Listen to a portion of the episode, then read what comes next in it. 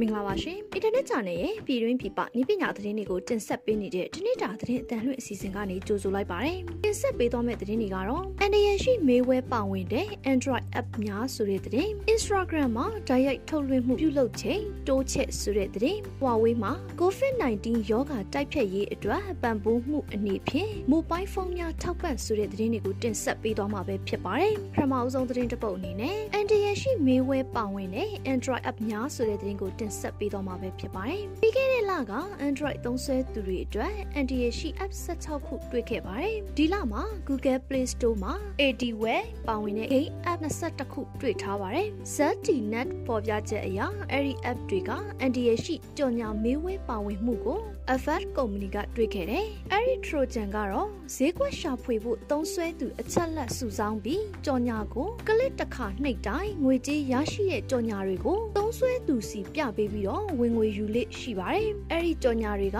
တွေ့ဖို့ခက်ခဲပါတယ်။ NAS ရှိ app တွေကိုအောက်မှာဖော်ပြပေးလိုက်ပါတယ်။ Assassin Legion 2020 News Cream Trace New Crest က Desert Against Find by Differences 2020 News Find Hidden Find the Difference Bizarre Game Flying Skateboard Helicopter Attack New helicopter show iron a jam jam many destroyer plant monster brawl recluse rolling score rotate shake rapid bus shoot then shooting run sweet man စတာတွေပဲဖြစ်ပါတယ်ဆက်လက်ပြီး Instagram မှာဓာတ်ရိုက်ထုတ်လွှင့်မှုပြုလုပ်ချိန်တိုးချက်ဆိုတဲ့သတင်းကိုတင်ဆက်ပေးမှာပဲဖြစ်ပါတယ် Instagram ကတော့ live video လုတ်ဆောင်ချက်ကိုတိုးတက်အောင်ဆောင်ရွက်နေပါတယ်အခုဆိုရင် Instagram မှာ live ပြုလုပ်မှုနဲ့ video တွေကို save လုပ်တာပုံမလွယ်ကူလာပါတယ် Instagram ရဲ့အပြောင်းအလဲကြောင့်မိနစ်60ကြော်ကြာခွင့်ပြုထားတဲ့ဓာတ်ရိုက်ထုတ်လွှင့်မှုကို၄နာရီအထိပြောင်းလဲသတ်မှတ်လိုက်ပါတယ်။တကဘာလုံးက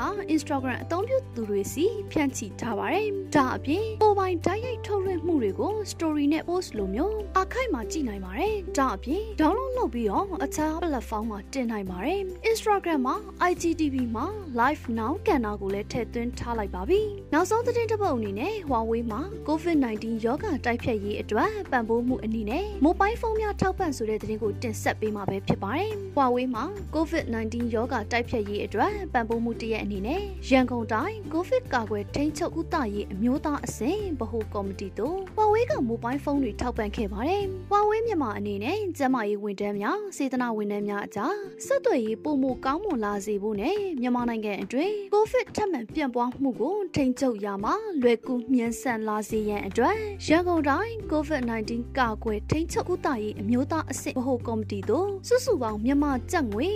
116သိန်းတန်ဖိုးရှိ Huawei Wi-Fi ဖုန်းအလုံးရေ100ကိုလှူဒန်းခဲ့တယ်လို့သိရပါတယ်။ Huawei ရဲ့လက်ကင်ဖုန်းလှူဒန်းမှုမှာကျွန်တော်တို့အတွက် COVID-19 ကိုထိန်းချုပ်ရတဲ့နေရအဓိကအချက်တွေဖြစ်ကြတဲ့ဆက်သွယ်ရေးအပိုင်းနဲ့အချက်လက်မှတ်တမ်းတင်တဲ့အပိုင်းတွေနဲ့ပတ်သက်ပြီးတော်တော်အထောက်အကူဖြစ်စေပါတယ်။ကျွန်တော်တို့ကျမရေးဝန်ထမ်းတွေအနေနဲ့အခုဆိုရင်ယောဂကူးစက်ခံစားနေတဲ့လူနာတွေစစ်ဆေးပြီးယောဂမတွေ့တဲ့လူနာတွေနဲ့ပျောက်ကင်းတက်တာသွားတဲ့လူနာတွေအကြောင်း အခြေအနေကိုအချင်းချင်းသိစေရုံသာမကပဲနဲ့ရုံးကြုံ quarantine center တွေနဲ့စေယုံတွေအကြောင်းမှာပါတည်င်းအချက်လက်မျှဝေတာကို mobile phone ကနေတဆင့်ပုံမလှုပ်ဆောင်လာနိုင်ကြမှာပဲဖြစ်တယ်လို့ COVID-19 ကြိုတင်ကာကွယ်ရေးထိန်းချုပ်ရေးနဲ့ကုသရေးကော်မတီဒုဥက္ကဋ္ဌဒေါက်တာဇော်ဝေဆိုးကပြောကြားခဲ့ပါတယ်အခုတင်ဆက်ပေးသွားတဲ့သတင်းတွေကနိုင်ငံတကာနဲ့ပြည်တွင်းမှာရရှိထားတဲ့နည်းပညာသတင်းတွေကိုအင်တာနက် channel ကနေတင်ဆက်လိုက်တာပဲဖြစ်ပါတယ်အခုလို COVID-19 ဖြစ်ပေါ်နေတဲ့ကာလမှာပြည်သက်တွေအနေနဲ့လည်းကျန်းမာရေးနဲ့အာကစားဝန်ကြီးဌာနရဲ့လမ်းညွှန်မှုတွေနဲ့အညီလိုက်နာဆောင်ရွက်ခါနေထိုင်သွားလာဖို့တိုက်တွန်းလိုက်ပါတယ်။ကျွန်မကတော့ဝေမြင့်မှုပါ။